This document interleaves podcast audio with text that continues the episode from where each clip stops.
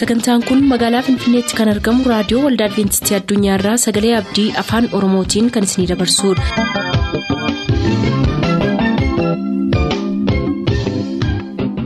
harka fuuni akkam jirtu dhaggeeffattoota keenya nagaan waaqayyoo bakka jirtan hundaati isiniif haa baay'atu jechaa sagantaan nuti har'a qabannee isiniif dhiyaannu sagantaa dhuga ba'umsaaf sagalee waaqayyoo ta'a gara sagantaa dhuga ba'umsaatti haa dabarru.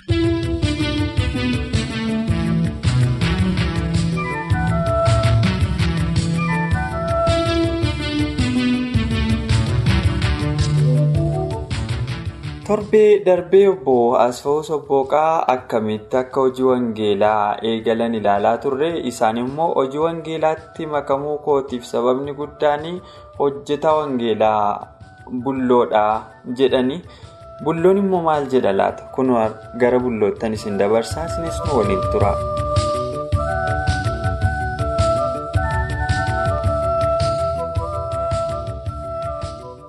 Gara hojjetaa wangeelaa bullootti deebi'aa wal biratti isin argachuu koof baay'ee nayyaanome waaqayyoof galanna ta'u meegaa abbaayeen keenya waan baay'ee jedhaniiru akka waan isaan jedhan keessaa immoo akka tasaatti walitti dhuftaniis baay'ee kaasaniiru jechuudha isin immoo hojii wangeelaa keessatti yeroo dheeraa kan isin mudate kan beektan jira jechuudha kanaaf yeroo jalqabaaf yeroo abbaayee keenyaa wajjiniin wal argitanii. Isaan immoo dhugaa isinitti himtan kana kallattii himaan fudhatan maaltu isinitti dhaga'ame kanneen kanaan dura argaa turtanii wajjin wal bira qabdanii waan nu hubachiista yoo jiraate. Baay'ee gammachuun nutti dhaga'ame. Maaliifin yeroo baay'ee namni adda nutti bu'a malee dhugaa kanan fudhatu. Isaan yeruma tokkichaa wajjin haasofneeni dhugaan kun isaaniif galee jechuudha. Isaan tiraaktii. Gahannaam jedhu tokko kan isaan harkaa qabanii nuti immoo kan harkaa qabnu waa'ee sanbataa tiraaktii kan jedhu jechuudha kan harkaa qabnu.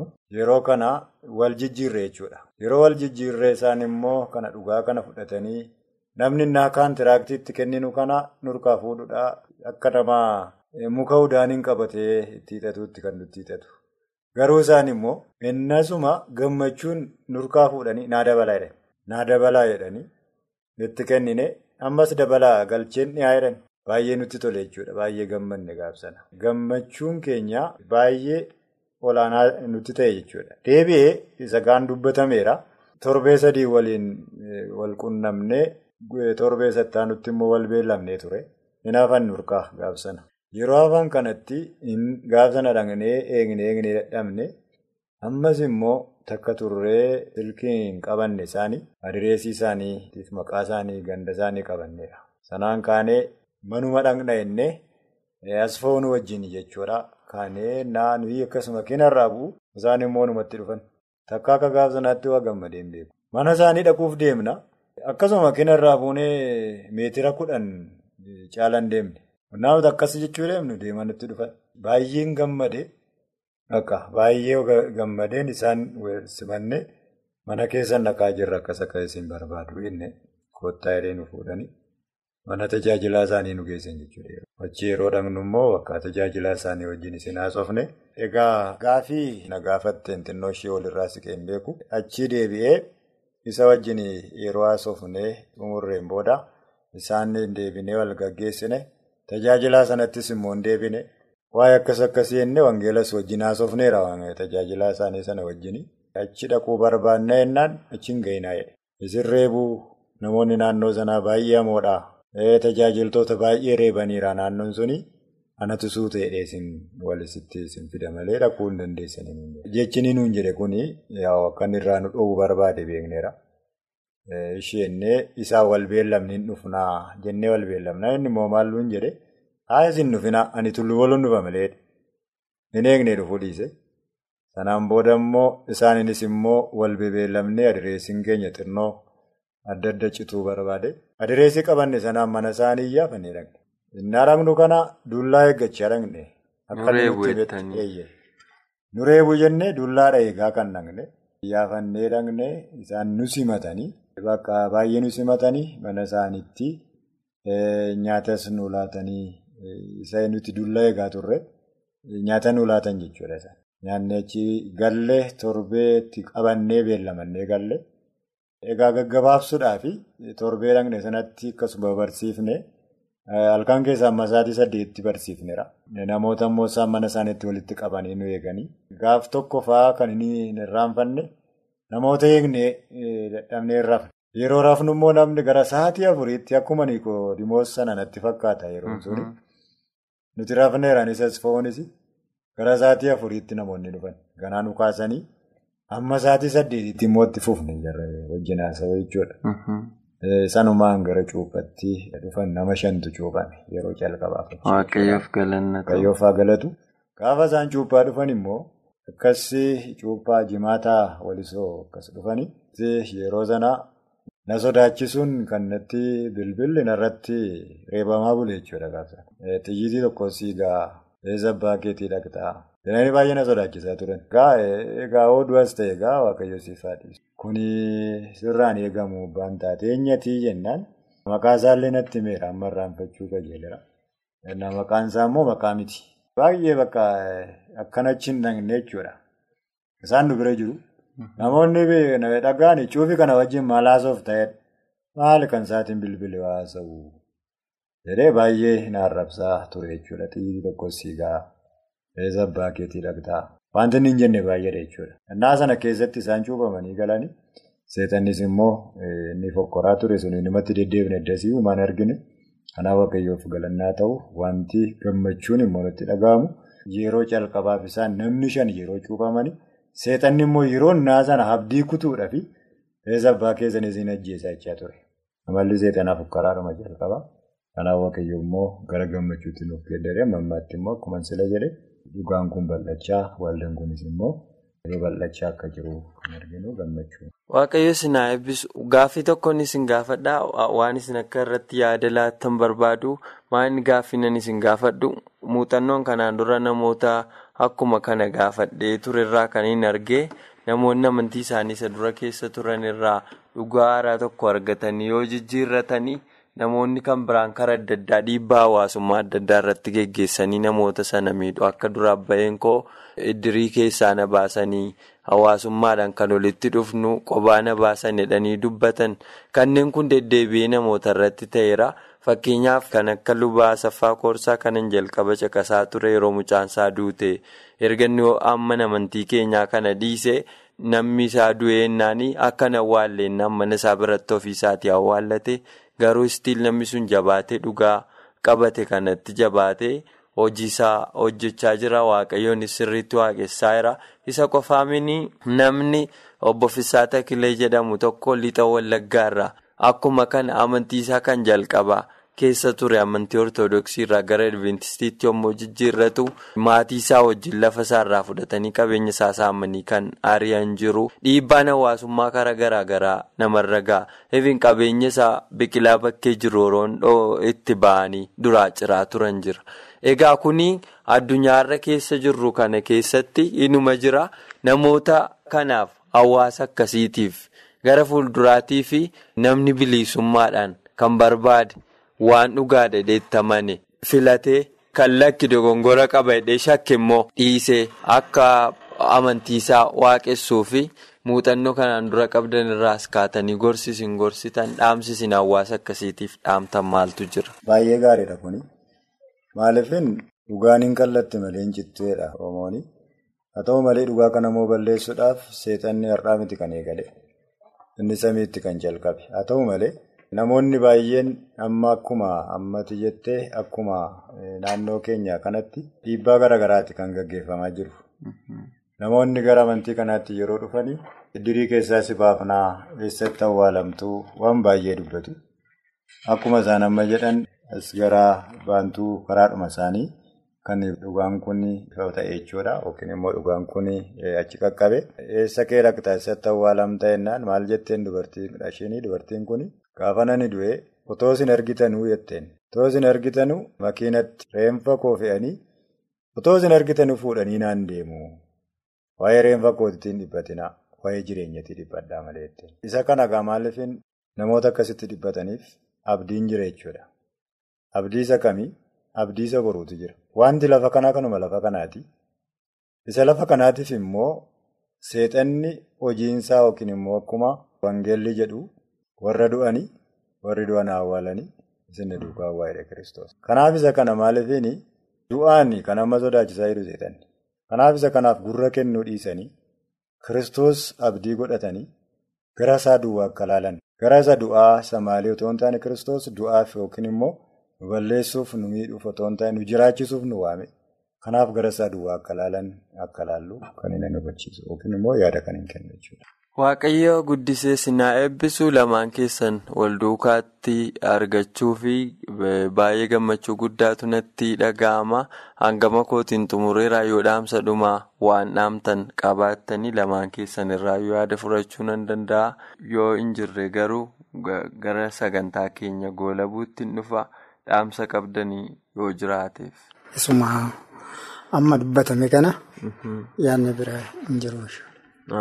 Waaqayyo sinaa eebbisu galatooma lubi bulloon wangeelaawwi bulloo waan dhaamtan yoo qabdan yeroo dhumaatii fi carraa tokko sinii kennuun barbaada. Wanti naamu tokko amma lafa kana irratti jirrutti dhiibbaan hin dhabamu. Dhiibbaa kana immoo keessa kan darbinu kiristoos wajjin yoo taanedha.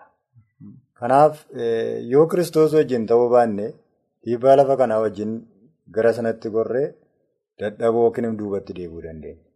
Kanaaf ilaalcha keenya kiristoosaa godhannu gara fannoo isaa ilaallu sanaan booda moo'ichaa isarraa otoo hin taane isa boruu ilaalle moo'ichi kan eenyuti kan kiristoos sila ta'eef moonee akka darbinu beekna. Kanaaf amantiidhaan abdiidhaan jaalalaan tokkummaan kiristoos faana akka buunu jechuun barbaada.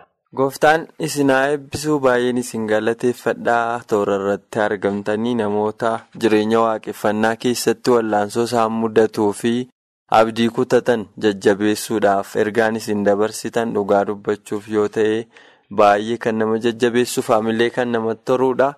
Waaqayyo isinaa eebbisuu jechuun jaalladha. Kabajamoof jaallatamoo dhaggeeffatoota keenyaa har'agaa kunoo keessummoota keenya waliin toorarra turtii keenya keessatti baay'ee eebbifamtaniitu jedhee yaada.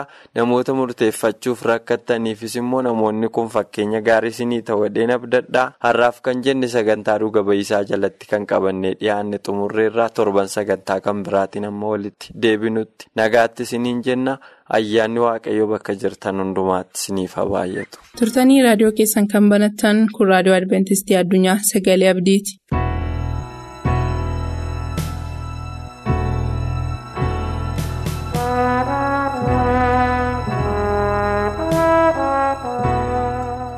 attam jirtu dhaggeeffatoota keenya gara dubbii waaqayyootti utuu hin deebiiniin duraa kadhata gabaabaasaa haa godhannu yaa waaqayyo abbaa. Ilma kee yesuusiin biyya lafaa cubbamoota waan jaallatteef galanni siif haa ta'u.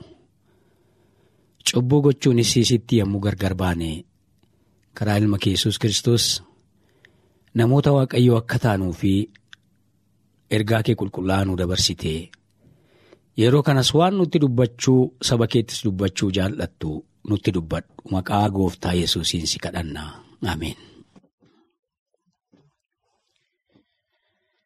Dhaggeeffatoota keenyaa sagalee waaqayyoo walii wajjiniin yommuu hirmaachuutti deebinu namni waaqayyoof yoo ta'uu baate homaafuu waa'een baasu kan jedhu mata duree irratti walii wajjiniin akka hirmaannuudha kanani filadhe mee xiqqoo ishee waa'ee namaa duraan dursinee haa ilaallu waaqayyo jalqabatti yommuu nama uume akka bifa isaatti akka fakkeenya isaatti.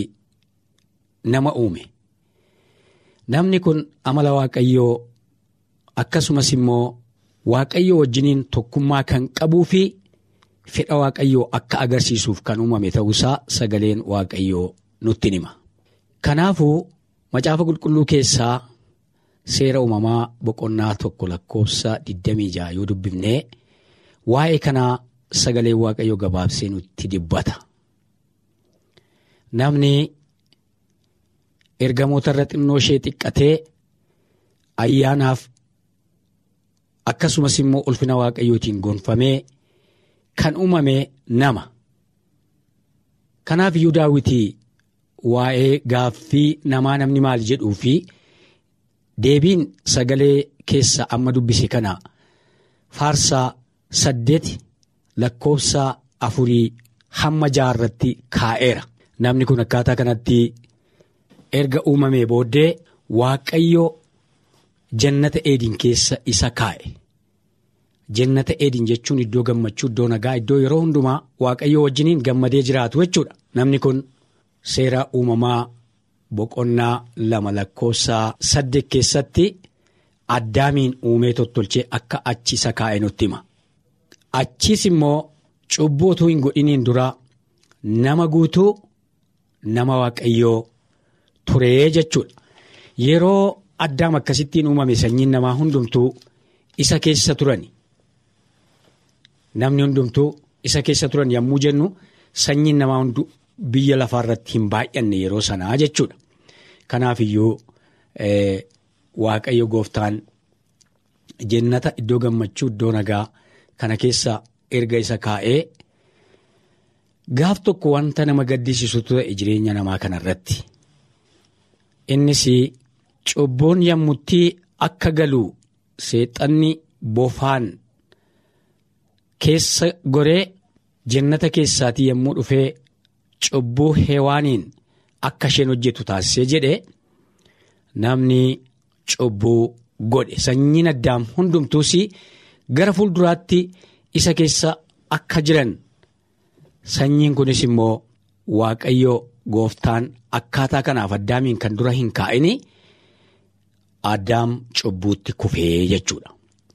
Kanaaf iyyuu namni jireenya keessaa ba'e gammachuu keessaa ba'e jannata keessaa cubbuu gochuutiin yommutti fuula waaqayyo duraatii akka ari'atamu akka ba'u cubbuu gochuun gowwoomee yommutti ta'e seera uumamaa boqonnaa sadii lakkoofsa sagalii fi kudhan yoo dubbifne kan argan waaqayyo isa barbaacha dhufee iddoo isaatii isa dhabe yeroo kana hundumaa sanyii namaa hundumaa fudhatee addaam jannata keessaa ba'e jechuudha.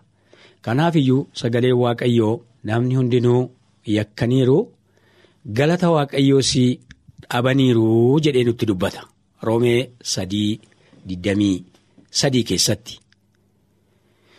Namni dura gammadaa ture addaam namni dura gammachuunsaa waaqayyoo wajjiniin yeroo yerootti wal arguutti jiraataa ture addaam amma fuula waaqayyo duraa saalfatee.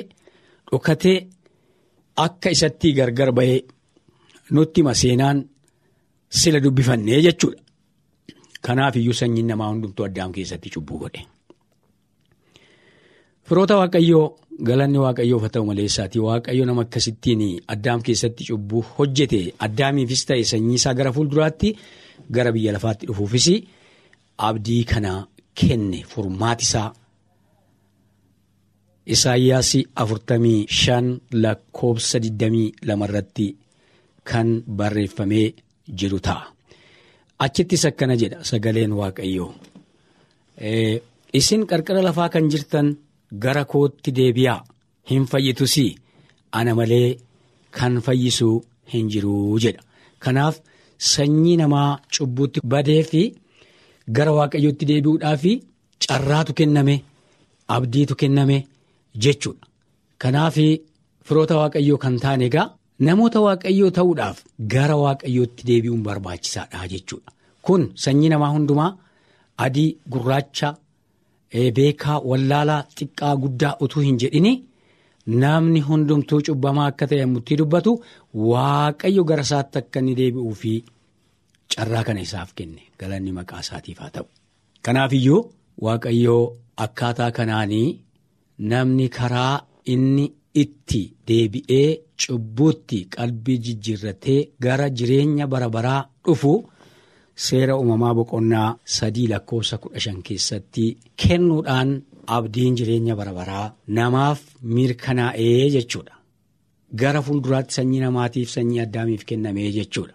Kanaaf inni alaallee jenne egaa asirratti ba'eessa goonee hubachuun kan dura jiraatu namni. Yoo waaqayyoof ta'uudhaa baatee jedhe hoomaafuu waa'ee hin baasu fakkeenya tokko tokko mee haa ilaallu muka ennaa fudhanne horii ennaa fudhanne biyya lafaa kanarratti muka karaa adda addaa namoonni itti dhimma ba'uu hin danda'u. Akka manaatti muka ijaarratanii gaaddisa isaa jalaa mukeetii karaa adda addaatti dhimma ba'uu hin dandeenya. Mukti kun yommutti gogee jedhus baalli isaa lafarratti harca'ee akkasumas immoo lafa kanarratti yommuu gogee badu lafatti dabalamee lafa coomsa lafa gabbisa. Namni isaa lafa coomee lafa gabbate kana keessa waa facaafatee itti dhimma ba'uu hin danda'a. Kanaaf iyyuu bineensis akkasuma horiinis akkuma kana jechuudha. Bineensis horiinis akkuma kana jechuudha. Kanaaf yennaa gara namaatti immoo deebinee jenne namni har'a yoo waaqayyoof ta'uudhaa baatee jedhe biyya lafaarraatii yommutti boqotu yommutti du'u in awwaalama humnaan ol yoo ta'e maleessaati. Lafa keessatti dhaqee awwaalama hawultii kan adda addaa kana simmintoo dhagaarraatii hojjetanii hin miidhegsu achi keessas gadi hin kaa'u. Kanaaf iyyuu homaaf waa'ee hin baasu lafa kana irratti hafee mataasaafis namaafis waa'ee hin baasu. Waaqayyoof yoo ta'uu baate jechuudha. Kanaaf egaa kormi dubbii ba'eessa goonee hubachuun kan irra jiraatu namni nama waaqayyoo ta'uun waaqayyoo abdiin abdachiisee fi kan qophaa'e isa taasisuu danda'a. Kuniyyuu namni waaqayyotti yoo amane cubbuun kan dura du'e deebi'ee yommutti waaqa jiraataatti deebi'ee jedhu abdii jireenya bara baraa qaba. Abdii du'aa ka'uu qaba. Kanaafiti namni egaa yoo waaqa jiraataadhaaf jiraatee abdii. Jireenya bara baraa gooftaa yesus kristos lammata deebi'ee dhufuu isaatti abdii du'aa ka'uu qaba jechuudha. Namni cubbamaan hundumtuu kanaaf qalbii jijjiirrannaan deebi'uun nama waaqayyoo ta'uun namaaf barbaachisaadha. Nama waaqayyoo yoo ta'u baannee jenne gatii hin qabnu jechuudha. Kanaaf nama waaqayyoo jalqabatti gati qabeessa godhee addaamii jalqabee yommuu isa tottolchee isa uumee jedhee akeeki waaqayyoo kanaaf ture cubbuu yommuu gale garuu nama balleesse waaqatti gargar nama baase. Waaqatti gargar nu kute. Kanaaf iyyuu Isaayyaas shantamii sagal lakkoofsa lamarraati kunoo harki waaqayyoo fayyisuudhaaf gabaabaa miti gurri isaas dhaga'uudhaaf hin duunne cubbuu keessantu isiniif waaqayyotti gargar isin baasa malee jedha sagalee waaqayyoo. Kanaaf yeroo tokko dubbii waaqayyoo dhaga'uun gara waaqayyootti deebi'uun waaqayyoo fi kan bitamne ta'uun nuuf barbaachisaadha jechuudha. Kanaaf iyyuu seenaa kana gara xumuraatti fiduudhaaf. Phexros isa lammataa boqonnaa sadii lakkoofsa kudha tokkoon dubbisa isa gara dhumaa irratti ba'eessa goonee haa ilaallu innis akkana jedha isinis namoota waaqayyoof qulqullooftan ta'a waaqayyoofis kan jiraattan jedha gara oliisaatti boqonnaa kadhannaa dubbifnee jennee fi waan biyya lafaatti ta'u erga dubbatee jedhee namni yoo waaqayyoof ta'uu baatee jedheef gatii akka hin qabne yommutti agarsiisu namoota waaqayyoo ta'uun akka irra jiru nutti dubbata jechuudha. Kanaaf iyyuu yeroo kana gooftaan nama waaqayyoo akka taanu qalbii jijjiirrannee mootummaa waaqayyootiif akka qophoofnuu fi tokko tokko keenya maqaa isaatiin haa eebbisu ameen.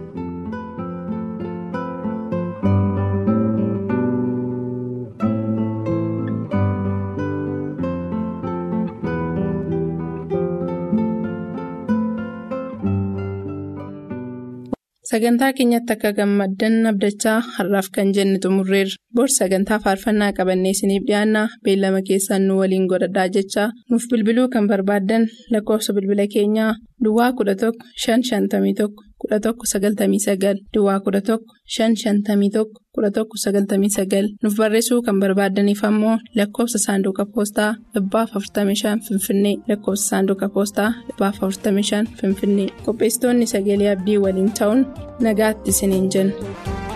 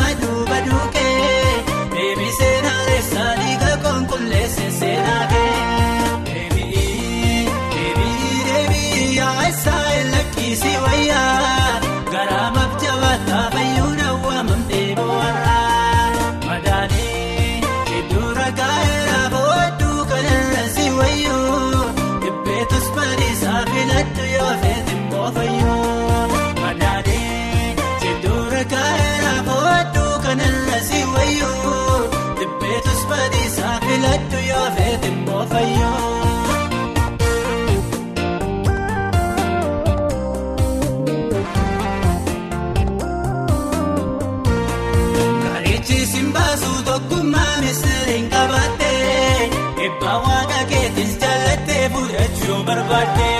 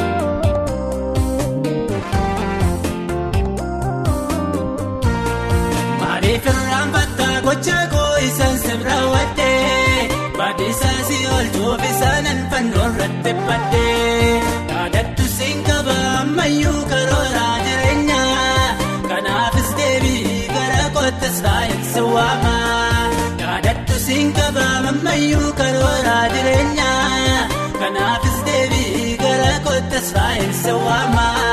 Deebii deebii deebii haa isaa lakkiisii wayyaa.